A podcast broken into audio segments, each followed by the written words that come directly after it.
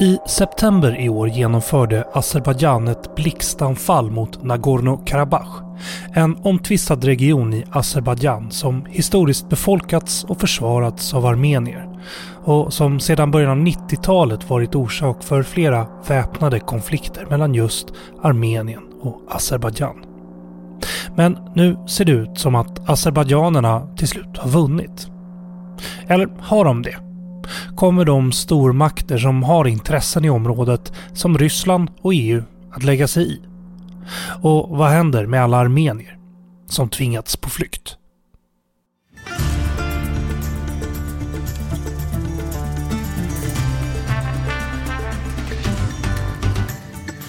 Du lyssnar på Utrikespolitiska institutets podd Utblick. Jag heter Jonas Lövenberg. Osämjan mellan Armenien och Azerbajdzjan sträcker sig över ett sekel tillbaka i tiden. Och så även tvisten om Nagorno-Karabach. I det här avsnittet ska vi försöka göra den här komplexa situationen mer lättbegriplig och förklara hur den påverkar mer än det som händer innanför de båda ländernas gränser. För att hjälpa mig och er att förstå det här bättre har jag med mig Jakob Hedenskog, analytiker vid Utrikespolitiska institutets Centrum för Östeuropastudier, även kallat SEVS i sin engelska akronym. Välkommen tillbaka till Utblick Jakob. Tack så jättemycket. Lite kortare här med Hugo, men även Hugo von Essen. Även han analytiker vid Centrum för Östeuropastudier och även han en stammis i Utblick. Välkommen tillbaka du med. Tack. Till att börja med så tänkte jag försöka ta reda på var vi befinner oss rent geografiskt. Hugo, kan du berätta var, vad är det här för område? Var är vi på kartan? Vi är alltså mellan två hav, mellan det Kaspiska havet och Svarta havet och vi är eh, söder om Ryssland och norr om Iran, kan man säga. Just det, södra Kaukasien. Exakt. Kan man väl kalla det. Precis. Um, och det här handlar ju om Armenien och Azerbajdzjan. Och jag undrar om ni kort kan presentera de olika länderna. Ni har fått ett var här, så jag tänkte vi skulle börja med Armenien. Vad är Armenien för land, Jakob? Ja, Armenien är det minsta av de här tre länderna som utgör Sydkaukasien eller södra Kaukasien. De andra är Georgien och Azerbajdzjan. Och eh, Armeniens huvudstad heter Jerevan det är en gammal nation, ett, ett land som har funnits i olika former sedan antiken faktiskt. Och det är också det äldsta kristna landet, alltså som antog kristendomen som statsreligion redan 301 efter Kristus. Och det var 30 år innan Georgien gjorde det, så att armenierna brukar skämta om att georgierna de är hedningar och sådär.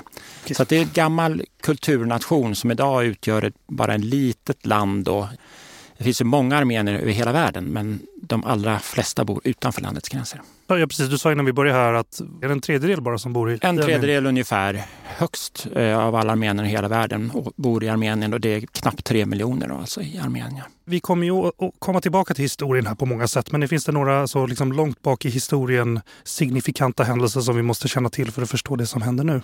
Ja, en som är relativt långt bak i historien ändå är ju folkmordet 1915. För armenierna då som var en del av det Osmanska riket, alltså dagens Turkiet, då, utsattes då tillsammans med andra kristna folk i Osmanska riket för det som många länder har betecknat som ett folkmord.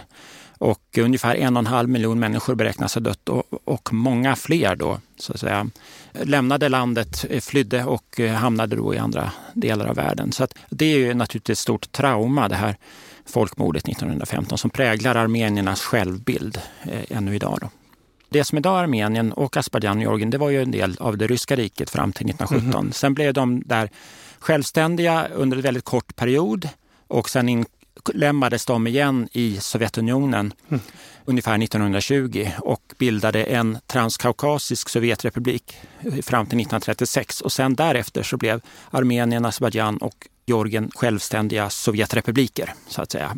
Okay. enskilda sovjetrepubliker, inte, inte tillsammans. Azerbajdzjan då, vad är det för land? Azerbajdzjan skiljer sig på många sätt från Armenien. Det har inte lika lång eh, historia. Azerbajdzjan i dess nuvarande form har ju bara funnits sedan eh, Sovjet föll 91. Men det har egentligen inte funnits innan dess. Till skillnad från Armenien som Jakob var inne på som har funnits i olika iterationer så har Azerbajdzjan, det, det territoriet som nu är Azerbajdzjan, det har styrts under årtusenden av många olika riken och från början var det olika iranska, arabiska, turkiska riken som styrde över det här, den här marken. Det, området turkifierades på 1000-talet. Sen har det styrts från ungefär i förmodern tid så styrdes det från 1500-talet till 1800-talet av olika iranska riken och sen så erövrade det ryska riket, som, som Jakob var inne på, erövrade den här regionen inklusive Azerbajdzjan i början av 1800-talet. Azerbajdzjan som folk har inte heller en särskilt lång historia. Som sagt, området turkifierades på 1000-talet men den moderna azerbajdzjanska, nationella identiteten när man började referera sig till, till sig själva som azerbajdzjaner, som en, som en egen nationalitet, det är först på slutet av 1800-talet. Innan dess har man refererat till sig själva och andra har även refererat till, till de som bodde där som, som turkar. Och det här folkslaget är en ganska intressant mix då, just för att det är, det är turkspråkiga, det är etniska turkar, men som har styrts som sagt väldigt länge av olika iranska riken och därmed har väldigt stark persisk kulturell påverkan, starka persiska drag. Och det här är ju såklart då en stor skillnad mot, gentemot Armenien och en Azerbajdzjan idag försöker ju såklart trycka på just den här tusen år långa eh, turkiska bakgrunden. Men Azerbajdzjan idag är ett land på runt 10 miljoner invånare. Huvudstaden är Baku och det som är intressant här är då en likhet till Armenien är att de flesta etniska azerbajdzjaner bor inte i Azerbajdzjan utan man kan säga att den azerbajdzjanska etniska folkgruppen är uppdelad i två och gränsen går där Iran och Azerbajdzjans gräns går. Därför att det bor ungefär, säg 9 miljoner eller något sånt azerbajdzjaner i Azerbajdzjan. Men sen bor det fler azerbajdzjaner i norra Iran, runt ja, det, det, är, det är olika uppgifter och det är svårt att veta exakt. Eh, sådär. Men, men någonstans mellan 12 till 25 miljoner azerbajdzjaner bor i, i norra mm, Iran. Vi har ju här var det kommer från historiskt men det är också, de är också muslimer, eller hur? De är muslimer, de är shia-muslimer precis som Iran. Men Azerbajdzjan är kanske det mest eh, sekulära muslimska landet i världen mm. och det här finns fastställt i konstitutionen och det här är en väldigt auktoritär stat med stark repression, eh, inklusive mot allt för starka religiösa uttryck. Nu har vi varit inne både på historia och, och, kultur här, vad de delar och inte delar länderna. Och då undrar jag liksom hur, hur stor skillnad är det? Är det som Sverige och Danmark eller är det Frankrike och England om man ser på det historiskt? Vad, vad är det för situation? De definierar sig ju väldigt mycket mot varandra. Den andra är ju så att säga Azerbajdzjan i Armeniens fall då, Armenien i Azerbajdzjans fall. Och armenierna, Armenien idag är ju också ett, ett mycket mer demokratiskt land än, än Azerbajdzjan. Hugo var inne på det, att det är en auktoritär stat. Medan Armenien sedan 2018 då man hade en sammetsrevolution så har man också fördjupat sin demokrati ganska mycket och eh, är idag, skulle jag vilja säga, eh, kanske det mest demokratiska landet i Sydkaukasien. Alltså, Georgien har ju gått i en motsatt riktning, kanske mot ett mer auktoritärt styre. Det har funnits en konflikt här mellan länderna. Vi har ju redan varit inne på det flera gånger. Men vad är ursprunget till det som pågår idag och, vad har hänt nu på sistone? Hur ser det ut idag? Vad, vad säger du Jakob? Konflikten kring Nagorno-Karabach är ju väldigt gammal. Den, är, den som du varit inne på sträcker sig ju kanske hundra år tillbaka i tiden då, till slutet av första världskriget. Då. Det var ju så att den här regionen då, och de här delarna av Sydkaukasien befolkades ju både av azerbajdzjaner, Eh, armenier och andra folk som kurder till exempel. Och eh, Nagorno-Karabach har sedan länge varit en, en region då med, med stark befolkningskoncentration av just armenier. Och eh, när Sovjetunionen eh, tog över det här området då, efter man hade förlorat, ryssarna hade förlorat det och sen återtog man Sovjetunionen det, så var det en fråga så att säga, var ska Nagorno-Karabach tillhöra? Ska det vara kvar inom det som var liksom Azerbajdzjan eller skulle det tillföras Armenien eftersom befolkningsmajoriteten var armenisk? Men man, man valde då från Sovjetunionens sida att det här skulle vara en del av Azerbajdzjan och man kan undra vad som var skälet till det. Dels så var det väl fråga om Sovjetmaktens eh, önskan att, så att säga, söndra och härska, att man inte ville skapa etniska homogena territorier där man kunde samla liksom befolkningen mot centralmakten i Moskva. Sen var det också, tror jag, en geopolitisk eh, önskan från Sovjetmaktens sida att eh, premiera det, det lojala partietablissemanget i Baku men också att man såg hur Turkiet, Atatürk och ungturkarnas maktövertagande där, att man försökte knyta dem till sig. Och sen kanske det också fanns, eh, alldeles säkert, rent ekonomiska, rationella skäl att, att den här regionen skulle vara en del av Azerbajdzjan eftersom det var lättare rent geografiskt så att säga att, att koppla ihop det med resten av Azerbajdzjan. Det fanns vägar och vattendrag och sånt som knöt den här regionen närmare Azerbajdzjan. Men man kan ju undra, vad hade hänt om man hade fullföljt den tanken att överföra det till Armenien då, då kanske den här konflikten aldrig hade brutit ut. Men det, ju, det, det vet vi ju inte. Men sen är det i dess moderna form så bröt ju den här konflikten ut i samband med Sovjetunionens fall då, där armenierna som tidigare hade utgjort mer än 90 procent av befolkningen hade minskat i antal och man kände sig hotad från Azerbajdzjan och från ökad andel azerbajdzjaner och eh, det utbröt ett krig efter att man hade förklarat sig självständiga och ville ansluta sig till Armenien då, vilket bemöttes naturligtvis inte positivt av varken Sovjetmakten i Moskva eller av Azerbajdzjan. Och det utbröt ett krig som ledde då till stor förödelse och många döda, tiotusentals döda på båda sidor och många internflyktingar. Och kriget slutade med, det första kriget med att Armenien så att säga ockuperade Nagorno-Karabach och sju distrikt runt det här området, då, mer eller mindre. Och eh, sen gick 30 år ungefär, men sen då har det vänt helt och hållet och att Azerbajdzjan genom det andra kriget 2020 och framförallt den attacken som var på september i år har man återupprättat sin territoriella integritet och tagit full kontroll över, över Nagorno-Karabach. Kan vi säga något om var Nagorno-Karabach ligger då? Ja, det är en del av Azerbajdzjan, en exklav kan man säga av armenisk, traditionellt armenisk bosättning. Då. Så att den, den gränsar ju inte till Armenien utan den ligger inom Azerbajdzjan. Den här senaste eh, attacken från Azerbajdzjans sida eh, ledde ju till att alla armenier i princip lämnade området och tog sig till Armenien. Så att eh, idag så är, är området så att säga för tanken från Azerbajdzjans sida är ju så naturligtvis helt, att helt och hållet inkorporera det fullt ut i Azerbajdzjan. Bara snabbt, vad hände 2020 då? Så att vi har med det. Det var alltså det som vi kallar för det andra Karabach-kriget precis som Jakob var inne på så hade ju det föranletts av att Azerbajdzjan under de senaste cirka 30 åren sedan första Karabachkriget hade lyckats bygga upp en väldigt stark militär. Mycket, eller nästan i princip bara tack vare oljeexport, eh, gasexport och också väldigt mycket tack vare turkisk hjälp, att man eh, fått turkiskt eh, militärt stöd. Så om Azerbajdzjan Eh, gick ut som förlorare i första Karabachkriget så hade man sen lyckats eh, gå om Armenien flera gånger om i, i både befolkningsstorlek men också militär styrka lagom till andra Karabachkriget 2020.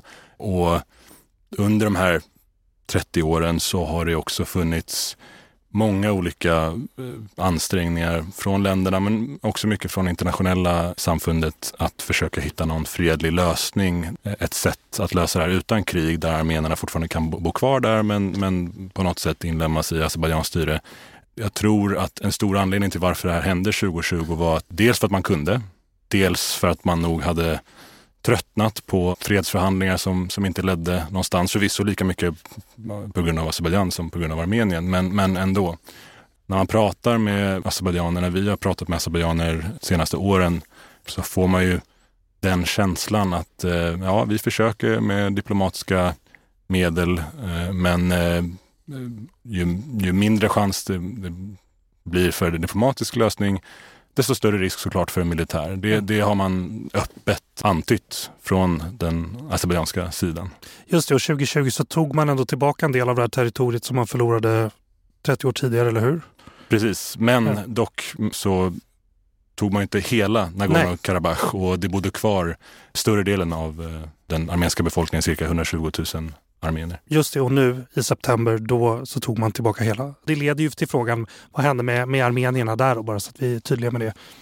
Inom en vecka så hade över 100 000 av dem flytt till, mm. eh, till Armenien. Då. Just det, de erbjöds väl också att få inkluderas i Azerbajdzjan men de kände att det känns inte så säkert. Ja, alltså där kommer vi in på en, en av de mest centrala frågorna i hela den här konflikten som, som är då Fanns det innan det här, fanns det en reell möjlighet för de här armenerna att leva som medborgare i Azerbajdzjan. Och, och det var en av de huvudsakliga konfliktytorna mellan Azerbajdzjan och Armenien där Azerbajdzjan självklart hävdar att ja, eh, det här är fullt möjligt. De kommer få samma rättigheter som alla andra azerbajdzjaner i vårt land, vilket Armenien såklart svarar med att eh, ja, för det första så har ju inte några azerbajdzjanska medborgare särskilt mycket rättigheter som att det är ett så auktoritärt land. Och för det andra, på grund av att det här är en särskild etnisk grupp med sin kultur, sitt språk, med sitt levnadssätt, så räcker det inte. Även, även om Azerbajdzjan hade varit ett, eh, ett lite mindre auktoritärt land så hade de här, den här folkgruppen antagligen ändå behövt någon typ av särställning eller autonomi, någon typ av eh, lagstiftning, regelverk som värnade om, om deras eh, särskilda rättigheter som etnisk minoritet i Azerbajdzjan. Och det har inte varit på bordet riktigt då? Azerbajdzjan har inte visat, har inte på något sätt visat något tecken på att man skulle kunna vara villig att ge de här Karabach-armenierna någon, någon, någonting som skulle kunna få dem att känna sig trygga med att bo och vara medborgare i Azerbajdzjan. En intressant parallell är ju fallet Åland. Som, inga paralleller är perfekta, men, men Åland är en helt okej okay parallell därför att Åland är en, eh, en autonom del av Finland som befolkas av svensktalande. Så där har man ju faktiskt lyckats åstadkomma en, en bra lösning. Det är klart, det bygger på att det här är Sverige och Finland det rör sig om. Både armenierna och Azerbajdzjan har ju studerat just Ålandsfrågan men det är ju den regionala kontexten lite annorlunda i Sydkaukasien och de eh, stora grannarna som, som eh, försöker spela sitt eget spel så att säga på de här mindre ländernas bekostnad. En annan intressant och viktig sak är ju att det här handlar också om två olika grundprinciper inom folkrätten som står mot varandra och där de två länderna hävdar varsin grundprincip. Det vill säga Azerbajdzjan hävdar grundprincipen om territoriell integritet, det vill säga att länders gränser ska respekteras och Nagorno-Karabach ligger ju faktiskt inuti eh, Azerbajdzjans internationellt erkända gränser så som de drogs efter Sovjets fall 1991. Och Armenien å andra sidan hävdar grundprincipen om eh, folks rätt till eh, självbestämmande. Eh, det vill säga att det här, de här armenierna som bor i den här regionen, i Nagorno-Karabach, har rätt att eh, bestämma över sig själva. Och de principerna går ju inte helt ihop och det är det som också gör den här konflikten så svår även på den internationella arenan där det internationella samfundet inte har någonsin lyckats hitta någon enighet i hur det här ska lösas. Eller vem som har mest rätt för den delen. De här länderna ligger ju mellan många mäktiga grannar får vi väl säga. Så jag tänkte börja med att fråga vad, vad har Ryssland för roll här och vad har Ryssland kanske för intressen i de här två länderna? Eftersom det här är en del av det för detta Sovjetunionen och Tsarryssland innan dess så anser Ryssland att det här är en, dess eh, legitima intressesfär. Man anser sig ha en rätt så att säga att ha ett inflytande på de här ländernas bekostnad, vilket ju naturligtvis inte det internationella samfundet egentligen kan, kan erkänna eller ge Ryssland en sådan rätt. Men, men Ryssland har ju använt de utdragna konflikterna i regionen, varav då den om Nagorno-Karabach är en och en annan är ju den om Sydossetien och en tredje om Abchazien, som båda är delar av Georgien. Man har använt de konflikterna i flera decennier då för att så att säga ha ett inflytande över länderna som har konflikterna och kontrollera dem och se till att de inte förmår knyta närmare band med västmakterna som EU och Nato. Då. Samtidigt är ju Ryssland nu betydligt svagare. Dess inflytande och eh, fokus har ju liksom dragits tillbaka delvis på grund av eh, kriget i Ukraina. Man har inte förmåga att, så att säga, fokusera fullt ut på samma sätt som man tidigare haft. Så då har man gjort sig mera beroende av Azerbajdzjans och Turkiets intressen eftersom Turkiet då också är en regional makt som har ökat i motsvarande grad under flera år. Därför så kom Ryssland då som har haft fredsbevarande styrkor i Nagorno-Karabach sedan andra Karabachkriget. Det var en del av stilleståndsavtalet som skrevs under i Moskva 9 november 2020. Men de har inte förmått eller velat egentligen att upprätthålla armeniernas säkerhet i Nagorno-Karabach utan de har till exempel nu i samband med den azerbajdzjanska attacken i september så flyttade man sig så att säga mer eller mindre på sig för att tillät den här azerbajdzjanska attacken. Därför är besvikelsen väldigt stor från Karabach-armenierna men också från armenierna armenierna naturligtvis. Och sedan en längre tid egentligen, inte bara sedan i september. För att Ryssland inte har förmått att stå upp för armeniernas säkerhet. Det finns ett, eh, i mitt tycke, missförstånd i den internationella debatten om varför det som hände nu i september i år hände. Då finns det ett, ett missförstånd att det här krävde Rysslands medgivande. Att egentligen är det Ryssland som ligger bakom det här. Det var Ryssland som straffar Armenien för dess mer demokratiska pro-västerländska trend de senaste åren som Jakob var inne på förut.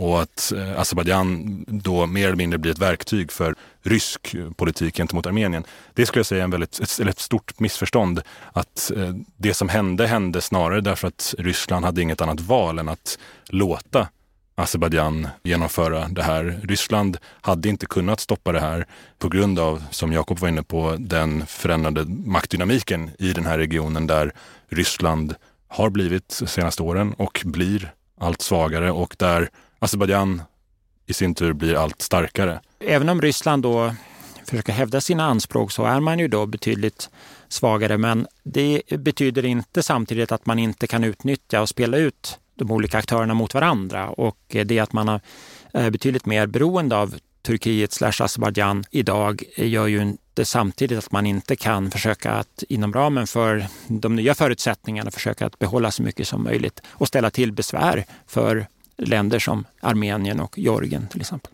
Kan vi vara lite mer tydliga? Vad är Rysslands intressen där? Är det bara att finnas på plats? Finns det naturresurser? Om man tittar på kartan så finns det vissa strategiska poänger med att, med att ha kontroll över det här området. För, vad säger ni? Ett starkt intresse för Moskva är ju att kontrollera alltså den nord-syd-handeln, alltså en transitväg från Ryssland via Azerbajdzjan till Iran och sen ner till Indien och Persiska viken. Och där sammanfaller ju de intressena då till stor del med just Azerbajdzjan eftersom Azerbajdzjan är ett nyckelland. Eh, samtidigt så har ju Azerbajdzjan alltid velat att premiera så att säga, handel, transit i öst-västlig riktning då från Centralasien över Kaspiska havet och Azerbajdzjan och sen vidare till Turkiet och Europa.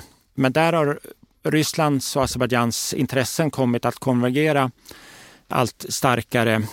Och eh, Ryssland idag är också intresserad av att, så att säga, premiera handeln i öst-västlig riktning. Där finns också den här så kallade Sangusur-korridoren som, som eh, Azerbajdzjan eh, försöker att etablera som en, en korridor som man vill upprätta mellan Nakhitjevan som är en autonom område inom Azerbajdzjan fast som gränsar till Turkiet och inte har en geografisk anslutning till resten av Azerbajdzjan. Och den korridoren som man försöka att upprätta ligger alltså längs armenisk-iranska gränsen och skulle då enligt armeniernas sätt att se på det, det vara ett eh, hinder så att säga mot att isolera Armenien. Att man ser att det finns en, ett anspråk från Azerbajdzjans sida att upprätta en extraterritoriell zon där. Och just där, i den zonen där, så har ju då Ryssland också gränstrupper eftersom det är ryska gränstrupper inom säkerhetstjänsten FSB som eh, bevakar gränsen mellan Armenien och Iran och Turkiet.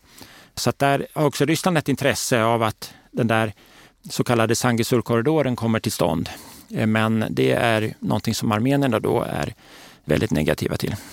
Alla de här ryska eh, intressena att få vara med på sådana här handelsvägar, transitvägar, både i nord-sydlig och öst-västlig riktning har ju såklart ökat sen Rysslands eh, fullskaliga invasion av Ukraina, sen alla sanktioner mot Ryssland, sen, sen Ryssland har blivit allt mer isolerat på den internationella marknaden där Ryssland då alltså nu är helt beroende av Azerbajdzjan för att kunna nå globala marknader.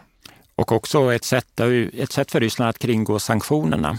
Det är att man försöker leda om handeln som är eh, hindrad av sanktionerna, att leda andra vägar helt enkelt. Då. Nu verkar det som att konflikten kanske är över, eller vi ska, ska fråga om det sen om ni tror att den är över. Men har, har Ryssland tjänat något på att det har funnits en konflikt då? Ryssland har väldigt, väldigt starkt eh, tjänat på att det har funnits en konflikt. Ryssland är det enda landet som har gynnats av att konflikten har fortgått. Precis som Jakob var inne på så är det här en, en väldigt eh, väl inövad, genomarbetad taktik som Ryssland har använt i hela postsovjet för att behålla sin dominans för att söndra och härska. Jakob nämnde konflikterna i Georgien. Man kan även nämna eh, Moldavien, Transnistrien. Man kan nämna östra Ukraina sedan 2014. Förklara för mig och lyssnarna, hur, hur går det här till? Vad, vad tjänar man på? Vad exakt är det man vill ha av konflikten? Är det en, en osäkerhet eller är det en truppnärvaro? Är det en chans att roffa åt sig? En chans att knuffa undan ett politiskt styre? Jag bara hittar på olika mm. anledningar här, men vad kan det vara? Det är en bra fråga och det, det är ju komplext. Men, men, om man försöker simplifiera det lite så handlar det om att Ryssland, i många av de här konflikterna, de, de, det finns lite skillnader och Nagorno-Karabach är lite unik i sig. Men oftast handlar det om att man ser till att upprätthålla en konflikt mellan centralregeringen i respektive land och en utbrytarrepublik eller en etnisk minoritet. Oftast är det ryskspråkiga minoriteter som det handlar om, förutom i Nagorno-Karabach då. så försöker man upprätthålla den här konflikten genom att stödja den här minoriteten eller utbrytarrepubliken gentemot centralmakten. Oftast ekonomiskt, politiskt men, men också militärt, ofta med militär närvaro. Ryssland har ju militär när, närvaro i eh, många av de här länderna. De flesta fredsbevarande trupp har vi Till exempel, Man kallar det för fredsbevarande trupp, jo, jo. men man ska väl kanske snarare kalla det för konfliktupprätthållande trupper i princip.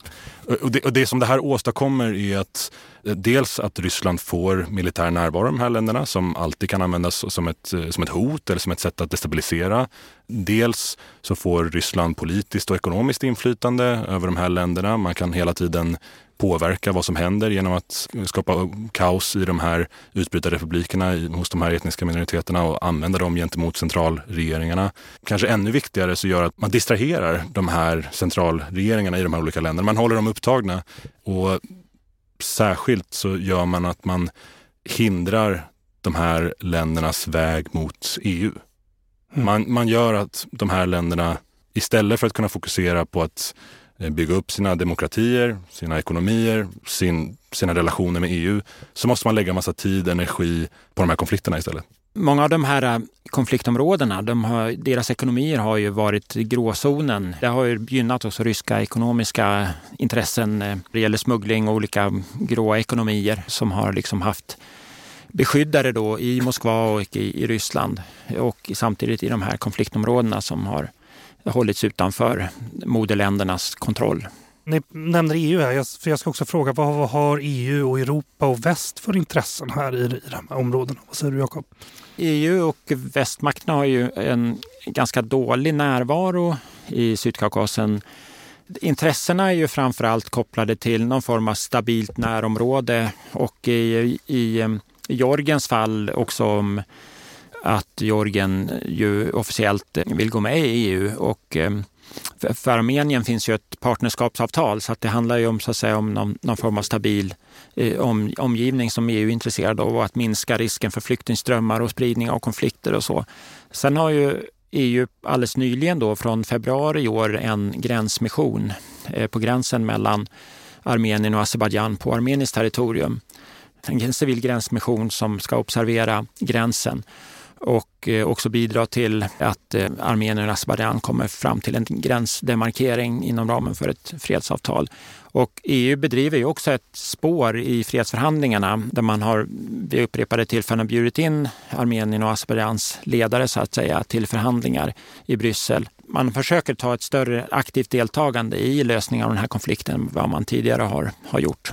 Det ligger ju också i EUs intresse att försöka begränsa Rysslands makt och närvaro på den internationella arenan och särskilt i sitt närområde. Det vill säga ju starkare relationer som EU lyckas bygga med de här länderna och ju mer demokratiska, stabila, välmående de här länderna blir, desto mindre inflytande får Ryssland, desto mindre möjlighet får Ryssland att, eh, att kringgå sanktioner och desto svagare och mer isolerat blir Ryssland på den internationella arenan. Så det här Eh, indirekt kan man ju säga är också ett sätt att påverka kriget i Ukraina, att, att eh, försvaga Ryssland helt enkelt. Jakob, du har ju skrivit en rapport om det här. Du håller på att skriva en rapport också om det som försiggår här i området. Vi får se när den kommer då. Men, men Jakob, din rapport heter i varje fall The Armenian Dilemma after Azerbaijan's September attack on Nagorno-Karabach.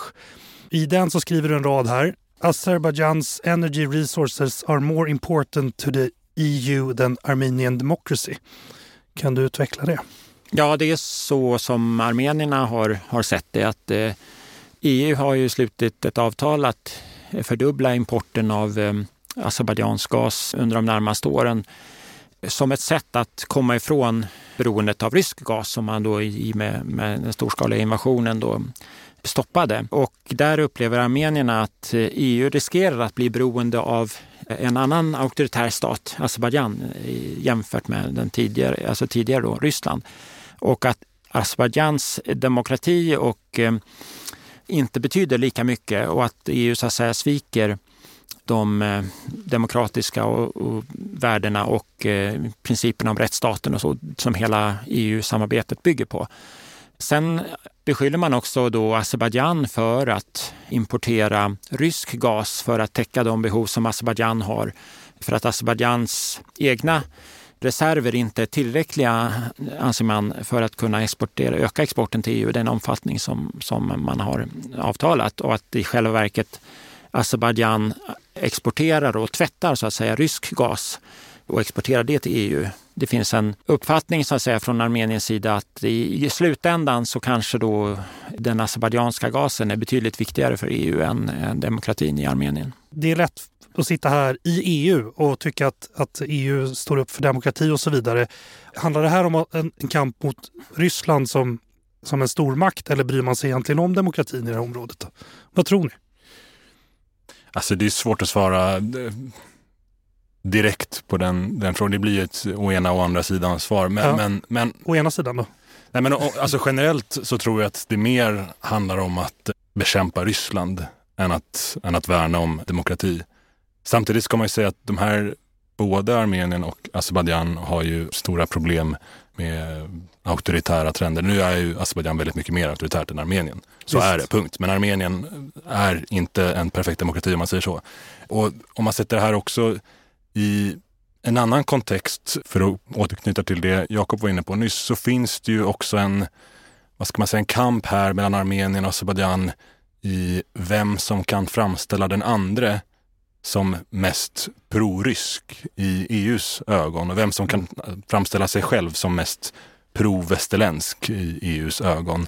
Och eh, Azerbajdzjans eh, argument är ju att eh, Ryssland och Armenien har väldigt nära relationer. Att Armenien är ju med i eh, ryska ekonomiska militärpolitiska samarbeten som Azerbajdzjan inte är med i. Och om man faktiskt kollar till eh, handeln mellan å ena sidan Ryssland och Azerbajdzjan och å andra sidan Ryssland och Armenien så har ju den, den rysk-armenska handeln eh, verkligen exploderat sen eh, Eh, krigets utbrott, alltså kriget Ukrainas utbrott. Till skillnad från den rysk-azerbajdzjanska handeln. Så att om man pratar kringgående av sanktioner så har ju, ett, så har ju Azerbajdzjan ett, ett starkare argument där gentemot Armenien än, än vice versa. Hugo var, var inne på här om att eh, Azerbajdzjan har lyckats med att framställa Armenien då som en rysk allierad i många europeiska länders ögon. Och samtidigt så har ju Azerbajdzjan då, hävdar armenierna, slöt ett avtal med Ryssland så sent som den 22 februari 2022, alltså två dagar innan den fullskaliga invasionen. Så slöt man från Azerbajdzjan och Ryssland ett militärt avtal, en interaktion, militär interaktion som innebar bland annat att man skulle ett militärtekniskt samarbete och kunna stödja varandra i, i olika militära sammanhang. Så att båda länderna har ju också varit mottagare av ryska vapen under en längre tid. Det är ju ryska vapen framförallt som har byggt upp den azerbajdzjanska krigsmakten de senaste decennierna och Ryssland har i praktiken upphört att, att leverera vapen till Armenien de senaste åren på grund av att Armenien då eh, har ett mer eh, provästlig eh, linje och man har till och med inte levererat vapen som armenierna har redan betalat för. Jag har ju tittat på rapportering kring det här då. Ibland så dyker det upp ett argument här att de olika sidorna nästan har bytt plats i sina lojaliteter, går det ens att säga så? Gentemot Europa och Ryssland. Då. rent historiskt sett, eh, Armenien har ju varit väldigt utsatt och man har ju sett turkarna då och azerbajdzjanerna då i modern tid som fienden medan Ryssland har sett som beskyddaren. Sen eh, är det ju kanske en förenklad bild för Rysslands eh, intressen har ju kanske inte alltid varit i första hand att skydda kristna folk i Osmanska riket eller Armenien och i modern tid. Utan Ryssland har haft egna intressen som ibland kanske sammanfallit då med Armeniens men ofta inte. Och Armenien idag då har ju då försökt att närma sig väst betydligt mer. Det kompliceras ju ytterligare av att Azerbajdzjans närmsta allierade är två länder som västvärlden eh, har bra relationer med och, och värnar sina relationer med, det vill säga Turkiet och Israel. Medan Armenien då har, de, Armeniens två närmsta allierade är ju två länder som västvärlden eh, hatar, det vill säga Ryssland och Iran. Så det, det gör det också komplicerat. Vem är vän med, med vem, så att säga? Och hur mycket dömer jag dig utifrån vilka vänner du har, om man skulle prata från EUs perspektiv? Hur mycket gynnas jag av att bli kompis med dig? Skolgårdsperspektivet. Lite, lite så. Israel, Iran, Turkiet, har de intressen i det här eller är det de bara med på sidlinjerna här? Vad säger ni? De har ju absolut intressen. Vi börjar med Turkiet ja. som kanske är det landet som har starkast intressen utöver de vi redan har nämnt. Turkiet har ju en, en väldigt, väldigt nära allians med Azerbajdzjan. Det är mycket tack vare Turkiet som Azerbajdzjan är i den position, den starka position det är i. Turkiets och Azerbajdzjans ledare pratar ju ofta om en nation, två stater. Det vill säga att egentligen är man samma turkiska folk eller broderfolk. Så att det finns ju stark gemenskap här och ju starkare Azerbajdzjan blir i regionen desto mer gynnas eh, Turkiets inflytande också, också till, ja, på bekostnad av Rysslands. Och Turkiet som Jakob var inne på har ju eh, allt annat än bra relationer med Armenien. Att Turkiets inflytande stärks i regionen är ju såklart dåligt för Armenien också. Och vi tar nästa land då, Iran. Iran har som sagt starkt militärt politiskt samarbete med Armenien. Och här kan man också säga att Iran och Azerbajdzjan är inte riktigt dödsfiender men extremt eh, starka spänningar till och från.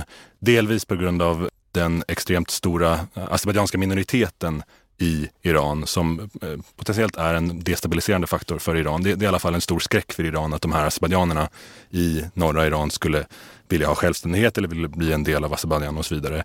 Och här är det också viktigt relationen till Israel därför att Azerbajdzjan och Israel är väldigt starkt militärt politiskt allierade. Azerbajdzjan säljer olja till Israel, Israel säljer vapen till Azerbajdzjan. Men Israel och Iran är ju verkligen dödsfiender på riktigt.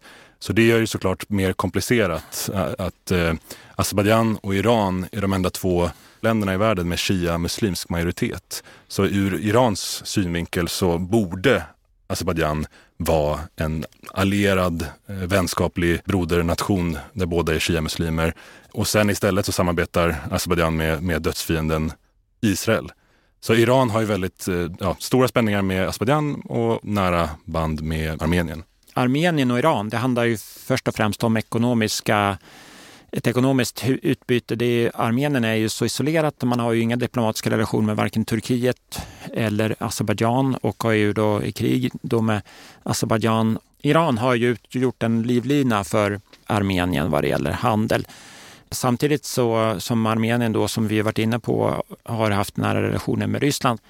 Georgien ligger emellan helt enkelt och ibland har ju då handel och transporter försvårats på grund av alltså kriget mellan Georgien och eh, Ryssland till exempel eh, 2008 och eh, oroligheter i Nordkaukasien och så vidare i Ryssland. Så att därför har Iran varit viktigt för Armenien. Det är inte så att länderna är så, står så varandra så väldigt nära. Det finns också en armenisk minoritet i Iran som är betydligt mindre självklart än den azerbajdzjanska, men det finns ändå sådana aspekter också att ta med i detta. På grund av historiska anledningar, det vill säga att Iran har styrt över södra Kaukasien för väldigt länge sedan, men under väldigt lång tid.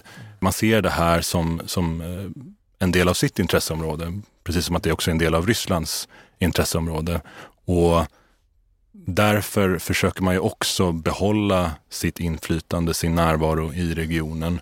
Och från Irans sida är ju samarbetet, oavsett hur stort eller litet det är, med, med Armenien så är ju det ett sätt. Och här finns det också en rädsla från Iran då att ju starkare den, den turkiska axeln blir här, ju starkare Azerbajdzjan och Turkiet blir i södra Kaukasien, desto svagare blir inte bara Ryssland utan också Iran. Alltså de här länderna, Ryssland, Turkiet, Iran, oavsett eh, alltså deras sammanhang. Turkiet är ju en medlem i Nato till exempel, eh, som då naturligtvis både Iran och, och Ryssland är starkt motståndare till. Men de har en gemensam samsyn också kring de här frågorna i den här regionen ska hanteras. Det är ju auktoritära stater eller diktaturer i själva verket och de vill till varje pris allihop, eh, även Turkiet, minska västs inflytande i regionen och de vill att det här ska styras upp så att säga inom regionen i sig, där de själva då som regionala stormakter ska ha ett avgörande inflytande. Så att det finns eh, både motsättningar men också en gemensam syn för hur man ska hantera problematiken i regionen. Vi har ju pratat om EU lite innan här, men, men Frankrike verkar ju ha ett eget intresse här också. Vad handlar det om, Jakob? EU för ju förhandlingar, ett förhandlingsspår för att få fram ett fredsavtal mellan Armenien och Azerbajdzjan. Och det intressanta är att det leds av Europeiska rådets ordförande Charles Michel. Samtidigt så har ju Frankrike en, en egen plats vid det bordet och president Macron. Och det är lite märkligt eftersom ju Frankrike är en del av EU och ehm, det har att göra med att Frankrike har ett starkt intresse för framförallt Armenien. Man har en stark armenisk diaspora i Frankrike.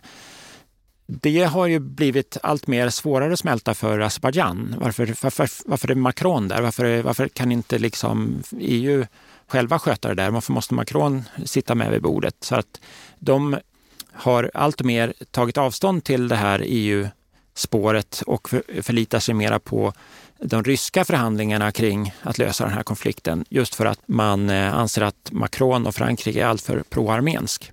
Och Frankrike har ju nu, också efter den azerbajdzjanska attacken, har man gått ut väldigt hårt med att stödja Armenien. Till exempel har man eh, utfäst sig att till och med exportera vapen till Armenien och man har öppnat en, ett konsulat i södra Armenien i Sunik-provinsen för att möka sin närvaro. Och man står för väldigt mycket av den humanitära hjälpen, till och med mer än resten av EU har, har gjort sedan den azerbajdzjanska attacken. Man kan ju generellt säga att kontexten här är ju också att det finns en konfliktyta mellan Ryssland och västvärlden i vem som får ha mest inflytande i fredsförhandlingarna, i, i normaliseringsprocessen mellan Armenien och Azerbajdzjan där man liksom tävlar om, om inflytande där. Och det här spelar ju också Azerbajdzjan på. När man pratar med azerbajdzjaner, inklusive officiella representanter, så är de själva inne på att eh, man såklart föredrar EU. Man, man ser att EU är en mer ärlig medlare. Att, att Ryssland försöker ju bara medla som ett sätt att upprätthålla sitt eget inflytande. EU vill ju faktiskt uppnå fred på riktigt mellan de här två länderna. Det, det erkänner Azerbajdzjan också. Men för att då straffa EU när man tycker att Frankrike har gått för långt eller andra EU-medlemmar, oftast är det Frankrike. Så för att straffa EU i sådana tillfällen så ja, men då går man lite närmare Ryssland istället i medlingsprocessen. Då åker man och träffar Rysslands utrikesminister Lavrov i Moskva istället och, och försöker på så sätt markera gentemot EU att ja, fast vi, vi, kan, vi kan jobba med Ryssland också, vi behöver inte riktigt er. Så här finns det då en dilemma för EU att eh, man vill ju ge Armenien väldigt starkt stöd såklart i dess utsatta position. Samtidigt så måste man ju kunna jobba med Azerbajdzjan också oavsett hur auktoritärt det är om man vill uppnå fred och normalisering mellan länderna. Man vill ju också kritisera Azerbajdzjan, man vill påverka i demokratisk riktning. Så fort EU eh, e gör någonting med Azerbajdzjan så får man ju kritik från Armenien och andra för att man går en auktoritär stat till mötes och så vidare. Så det blir en ganska svår balansgång för, för EU där. Det låter geggigt. Det är väldigt geggigt. Ja. Vi har ju fått flera exempel på hur Rysslands krig mot Ukraina hänger ihop med hur Ryssland vill positionera sig. Men det har ju blåst upp en ny konflikt nyligen då i, i Mellanöstern mellan Israel och eh, Hamas ska man väl säga. Hur påverkar det läget? då? Dels så är ju det här angränsande regioner, Mellanöstern och södra Kaukasien, vilket gör att eh, ökande spänningar i Mellanöstern eh, antagligen kommer få följdeffekter, liknande följdeffekter i, i södra Kaukasien. Men dels så är det också så att flera av de här länderna som eh, är en del av spänningarna i Mellanöstern är ju då spelare som spelar på båda de här spelplanerna. Till exempel Iran, en, en av de viktigaste spelarna i Mellanöstern och, och som ligger bakom en, en, hel del spänningar så att säga. Men också Turkiet då som har viktig påverkan, närvaro och inflytande i Mellanöstern, precis också i södra Kaukasien som vi var inne på tidigare. Samma sak eh, Israel som nu är ju i mitten just nu av, av det som händer i Mellanöstern som har starka kopplingar till Azerbajdzjan. Och sen dels så kan man ju bara nämna att Azerbajdzjan går en lite svår balansgång här därför att Å ena sidan är man ett muslimskt land och, och vi har ju sett en stor, stort muslimskt stöd för Palestina nu runt om i den muslimska världen. Eh, å andra sidan har man ju som sagt eh, starka kopplingar till Israel. Och Azerbajdzjan försöker ju också positionera sig globalt som en del av den liksom neutrala, icke-allierade delen av världen som inte är med i något av blocken, varken västblocket å ena sidan eller liksom Ryssland, Kina, det blocket å andra sidan. Vi ska titta lite framåt också. Det här nya läget i Nagorno-Karabach, vad har det för långsiktiga konsekvenser, Jakob? Och jag måste fråga, är konflikten över nu då, eller? Ja, i den tappning vi har varit vana att se den. Därför att armenierna har, har lämnat Azerbajdzjan har återupprättat sin territoriella integritet och ehm, man får förmoda att Azerbajdzjan också är ganska nöjda med att armenierna har lämnat. Om några armenier återvänder återstår att se. Det blir förmodligen inte särskilt många. Så på det sättet så är konflikten som vi känner den sedan länge löst. Däremot finns det ju fortfarande konflikten mellan Armenien och Azerbajdzjan kvar och det gäller till exempel armeniernas rättigheter, även för de få som finns kvar i Nagorno-Karabach. Det gäller också gränsdemarkationsfrågan och olika gränstvister. Det är ju så att Azerbajdzjan har ju vid tre tillfällen efter 2020, andra Karabachkriget, anfallit Armeniens erkända territorium och ockuperat 150 kvadratkilometer av Armeniens erkända territorium. Och det skedde i maj och november 2021 och i september 2022.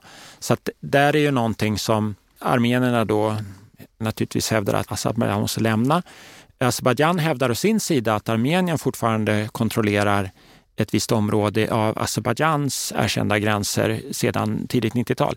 Och det handlar om åtta byar som man säger från Azerbajdzjans sida. Så det finns sådana där spänningar. Vi har också den här eh, så kallade Sangusur-korridoren och problematiken kring detta som naturligtvis kan spela in. Azerbajdzjan hotar ju, precis som jag tror Hugo varit inne på, att om man inte lyckas få den här korridoren till stånd genom förhandlingar så hotar man så att säga att, att genomföra det med militära medel. Och eh, det finns från Azerbajdzjan en hotfull retorik som inte bara gäller den här eh, gränskorridoren utan även det är andra delar av Armenien helt enkelt.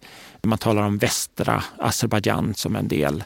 Alltså det man avser är armeniskt territorium då som man, som man anser vara rättmätiga delar av Azerbajdzjan. Så det finns en hotfull retorik, det finns gränsproblematik och andra frågor som är väldigt svårlösta och som kan utlösa en, en ny konflikt så att säga mellan Armenien och Azerbajdzjan som inte omfattar Nagorno-Karabach.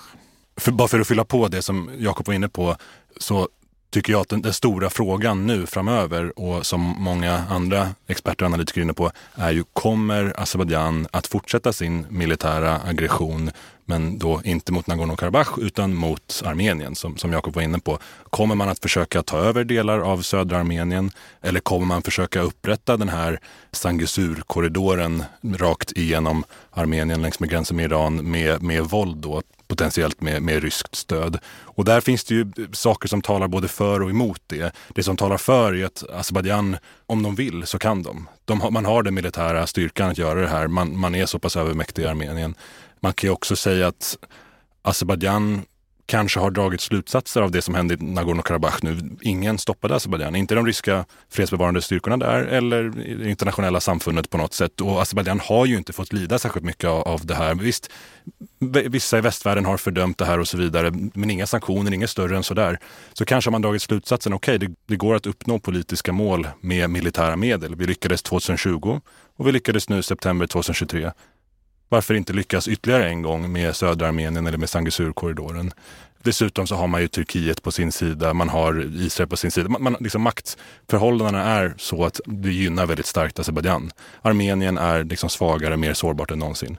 Men å andra sidan så finns det en hel del som talar mot att Azerbajdzjan skulle fortsätta sin militära aggression.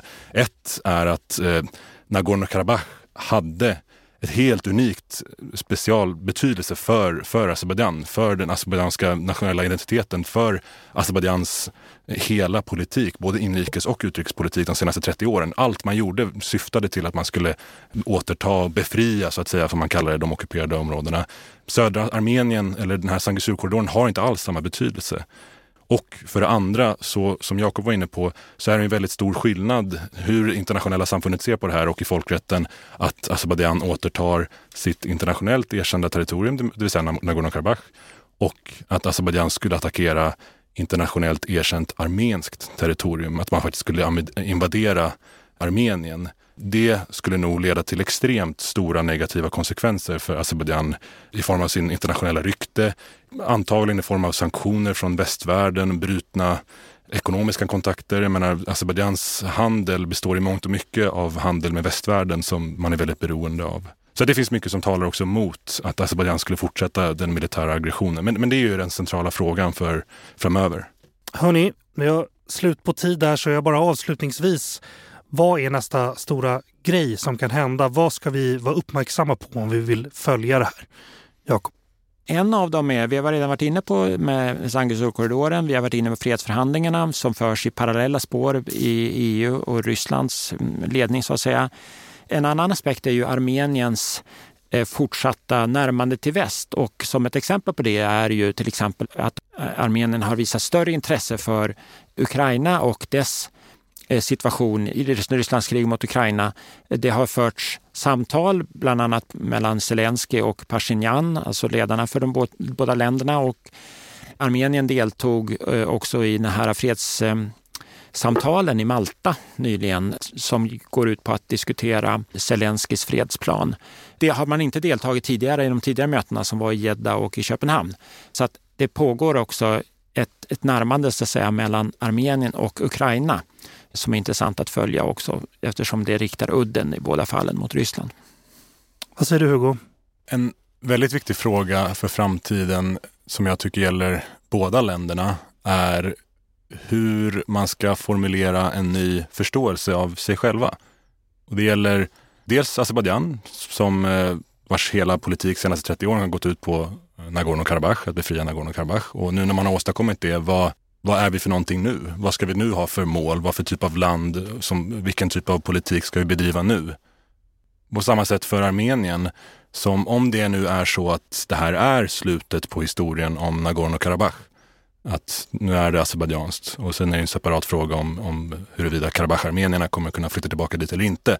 Men i alla fall så blir det också en stor viktig fråga för Armenien som också definierat Eh, mycket av sin politik utifrån frågan om Nagorno-Karabach. Vad, vad, är vi för land nu? Vad, hur ska vi förstå oss själva?